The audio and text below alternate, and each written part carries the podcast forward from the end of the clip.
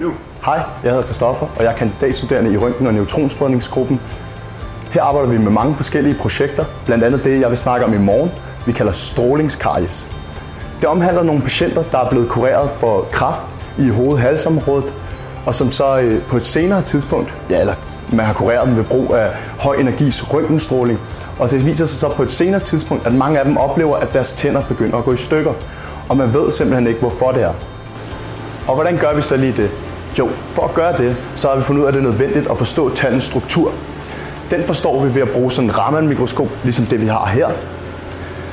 Der øh, finder man fokus på tandens overflade, sender laserlys ind, som reflekterer på tandens overflade, kommer tilbage op igennem mikroskopet, og så bliver den indkommende laserlinje filtreret fra, og vi har kun det lys tilbage, som har ændret energi ved interaktion med tanden. Det er meget specifikt for, hvad for nogle øh, øh, molekyler, der er i tanden. Og på den måde, så kan vi lave sådan et kemisk kort, hvor vi kan forstå de forskellige væv, og hvorhen de er placeret inde i tanden. Øhm, både det, men også en masse andre ting, kan du høre om i morgen kl. 21.30 i AV3 over på HCU.